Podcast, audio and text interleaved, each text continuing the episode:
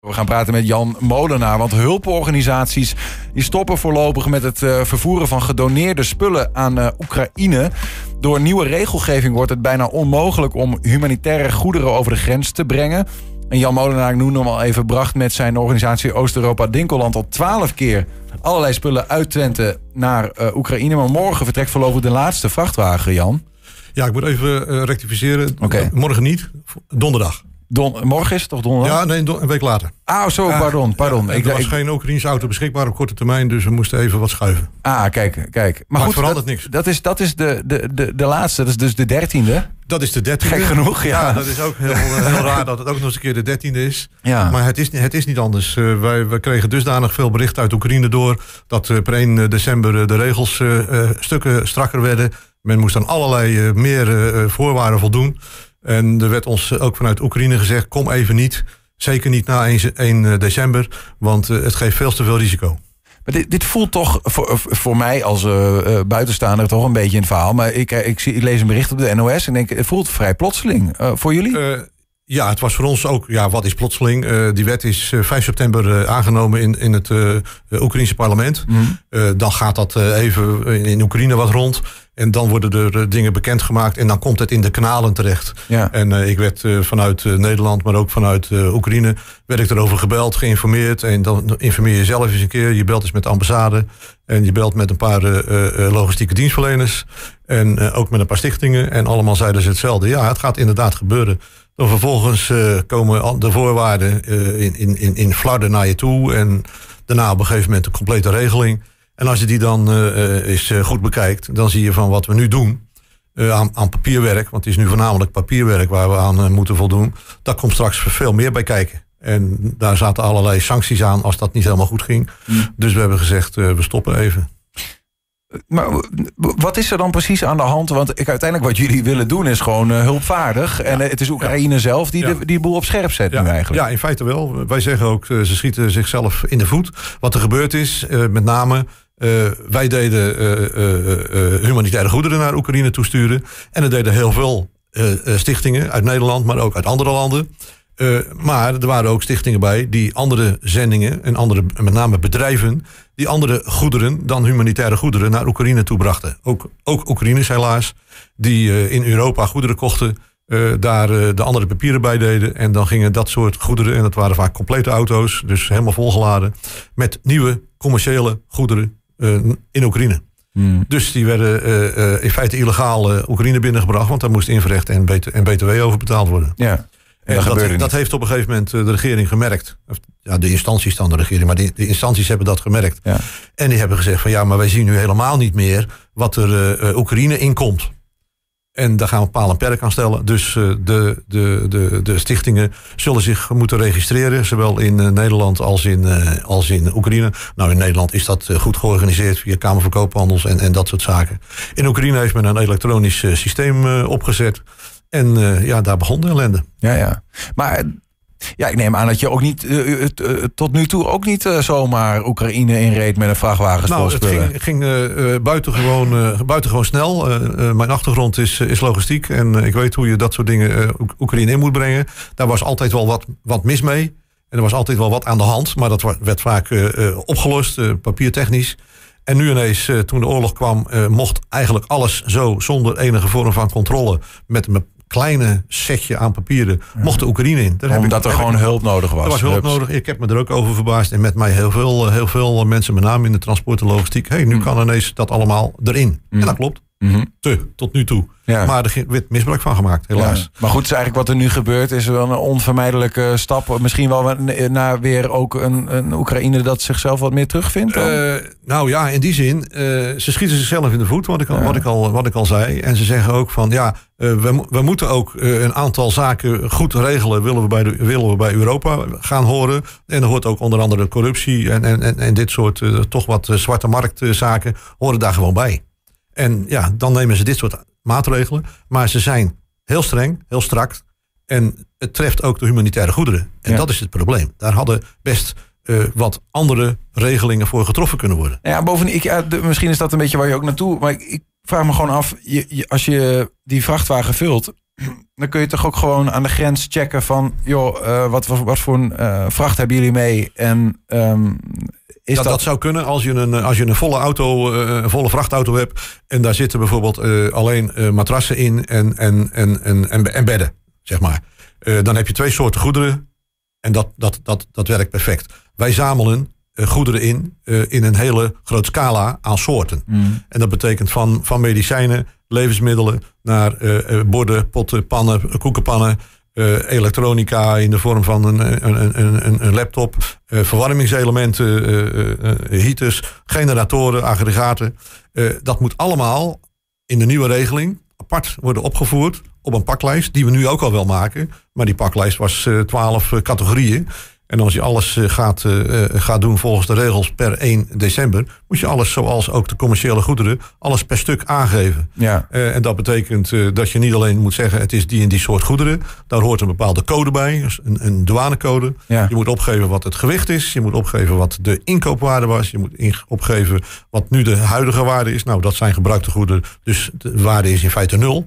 Het zijn geschenkgoederen. Ja. Uh, ja, dat gaf allemaal veel. is allemaal, Eigenlijk is het uh, verhaal dan vanuit jullie ook van dit, dat, dat kunnen we in principe nog wel doen, maar dat is, dat is, dat is niet meer te doen. Eigenlijk. Nee, we, we, kunnen het, we kunnen het best doen en niet alleen wij kunnen het doen, maar in Oekraïne moet dan ook door de, door de instantie, door, door de stichting heel veel gedaan worden. De ontvangende de instantie. ontvangende instantie. Ja. En die moet daar iemand eh, specifiek voor, eh, voor, voor inhuren die kennis van zaken heeft. Dat is de, de customsbroker, dus de, de, de douaneman. Nou, en die moet zo'n aangifte gaan maken aan de hand van onze paklijst. Die paklijst moet kloppen. Ja. Hij moet weer uh, de omschrijving goed overnemen. Daar is die man uh, per vrachtauto, vrezen wij, ik, ik denk dat, ik, dat dat ook zo is, is daar een dag mee bezig. Ja, ja. Dat en moet dat... in een systeem gebracht worden. Dat moet dan gematcht worden met de gegevens die wij aanleveren en die hun aanleveren. Vervolgens moet er een verdeelplan bij komen, is heel belangrijk. Want men wil weten, waar gaan die goederen ja. naartoe? En dat moet allemaal kloppen. Klopt het niet, dan ziet men aan de grens al direct van... hé, hey, dat nummer, want ze krijgen allemaal een registratienummer... en een nummer, een pp-nummer noemen ze dat... om de grens over te kunnen. Daar klopt iets niet mee. Nou, dan wordt de auto aan de kant gezet... en dan moet je er wat uithalen. Dan moet de chauffeur er iets uithalen. Mm -hmm. En eens even laten zien. Klopt het dan nog niet? Ja, dan sta, je daar, dan sta je daar vast. En het kost je sowieso dan een paar dagen... als je aan de grens al mag blijven... om, de, om die controle uh, te laten plaatsvinden... Komen ze er niet uit, dan sturen ze hem naar de eerste, de beste uh, douaneterminal. En dan kan je heel die auto uitpakken. En wie gaat dat betalen? De transporteur zegt dan, ja, mijn auto kost tussen de 350 en 500 euro per dag aan wachtkosten. Ja, dat komt dan op ons uh, ja. als opdrachtgever op ons bordje terecht. Het risico wordt dan gewoon. Het risico is veel te groot. Uh, nou ja, niet wij, maar de collega's van RTVO's die uh, waren bij jullie even met het nou ja, inpakken van voorlopig dan de laatste vrachtwagen. Ja, voorlopig de laatste. Even, even ja. kijken. Ja? Even van die kant. Ja, die kunnen er niet in. Dan lopen ze voor.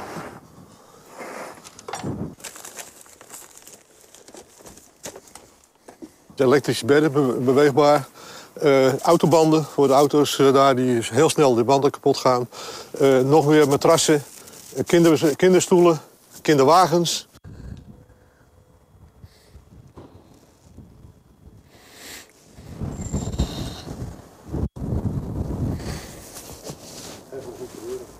Wij zien af van het transport voorlopig, omdat de risico's aan de grens met wachtdagen uh, heel erg groot worden, waardoor we de rekening krijgen van de transporteur, 500 euro per dag. En dat de stichting, uh, de, de ontvangende partij in Kiev, de vergunning wordt ingetrokken. Pak ik en dan we zo.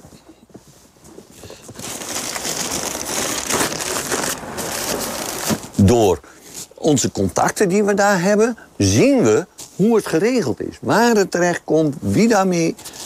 Is echt, daar kunnen we 100% zeker in zijn dat dat op de goede plek terechtkomt.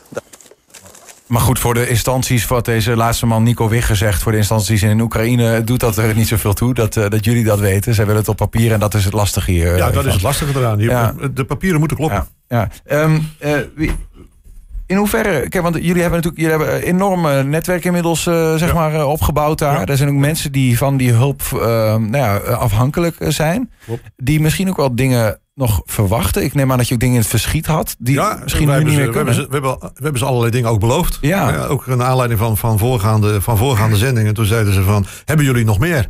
Nou, dat waren met name de bedden en matrassen. Waar ze, je kan het je haast niet voorstellen, waar ze voor in de rij stonden bij de vorige auto's. Uh, dat ging allemaal op een hele eerlijke manier. Uh, wat dat betreft uh, zat het allemaal aan de goede kant. Men, men, kreeg, men kreeg lijsten van de sociale dienst van de bewuste dorp of van de bewuste regio. En daar stonden de mensen op en die konden een bed of een matras ophalen. Ik gaf door hoeveel bedden en matrassen er in die auto zaten. En dat konden ze gewoon ophalen. Ja. Ja. Er werd op een gegeven moment ook gevraagd: hebben jullie ook fietsen? Ja, wij zeiden ook, tuurlijk hebben wij wel fietsen, maar fietsen. Ja, want de mensen die geen auto hebben, die moeten toch wel ergens iets uh, aan, aan, aan, aan vervoer of transport hebben. Dus toen hebben we een paar keer uh, wat fietsen erin En er zitten er nu weer een aantal fietsen in. Maar ja, goed, je, je, het is maar, ja, je kunt niet uh, al die bedden die je beloofd hebt in die laatste vrachtwagen stoppen. Nee, helaas niet. Helaas um, wat, wat zeg je dan tegen die mensen nu? Uh, wij zeggen tegen de mensen van uh, wij houden moed en proberen jullie van jullie kant middels petities en die ook vanuit Europa komen de regering op andere gedachten te brengen. Dan komen de andere zaken, de humanitaire zaken vanzelf weer. Daar heb je vertrouwen in? Ik heb er vertrouwen in dat het, dat het weer gaat gebeuren. we maken twee maanden pas op de plaats. En uh, in de tussentijd kijken we wat er gebeurt. Kijk, ja, want even nog... 1 januari, nee, 1 december gaat die nieuwe wet in. In 1 december gaat die nieuwe wet in. En Waarom die gezegd, twee maanden dan? Hoe bedoel je ja, ja, nou, we hebben gezegd december, januari, dat zijn twee maanden. Het zijn wat rare maanden met de feestmaanden erin, zowel in Nederland als in, als in uh, Oekraïne. Uh, in de tussentijd gaan er best wel zendingen die kant op. Laten we in de tussentijd kijken wat er gebeurt. Er komt nog bij dat. Ja, je bedoelt, je bedoelt even naar anderen kijken, gewoon van een afstandje wat ja, er. Er zijn andere bedrijven, er zijn grote uh, kijk, wij zijn in feite maar een kleine stichting. Mm -hmm. Er zijn grote stichtingen die zeggen van... wij sturen één of twee proefauto's na 1 december... en die gaan de grens over... en we proberen aan de voorwaarden te voldoen... en kijken in hoeverre wij echt zo strak gecontroleerd worden... en of dat ze inderdaad ook alles zo strikt uh, uh, nemen als dat het op papier staat.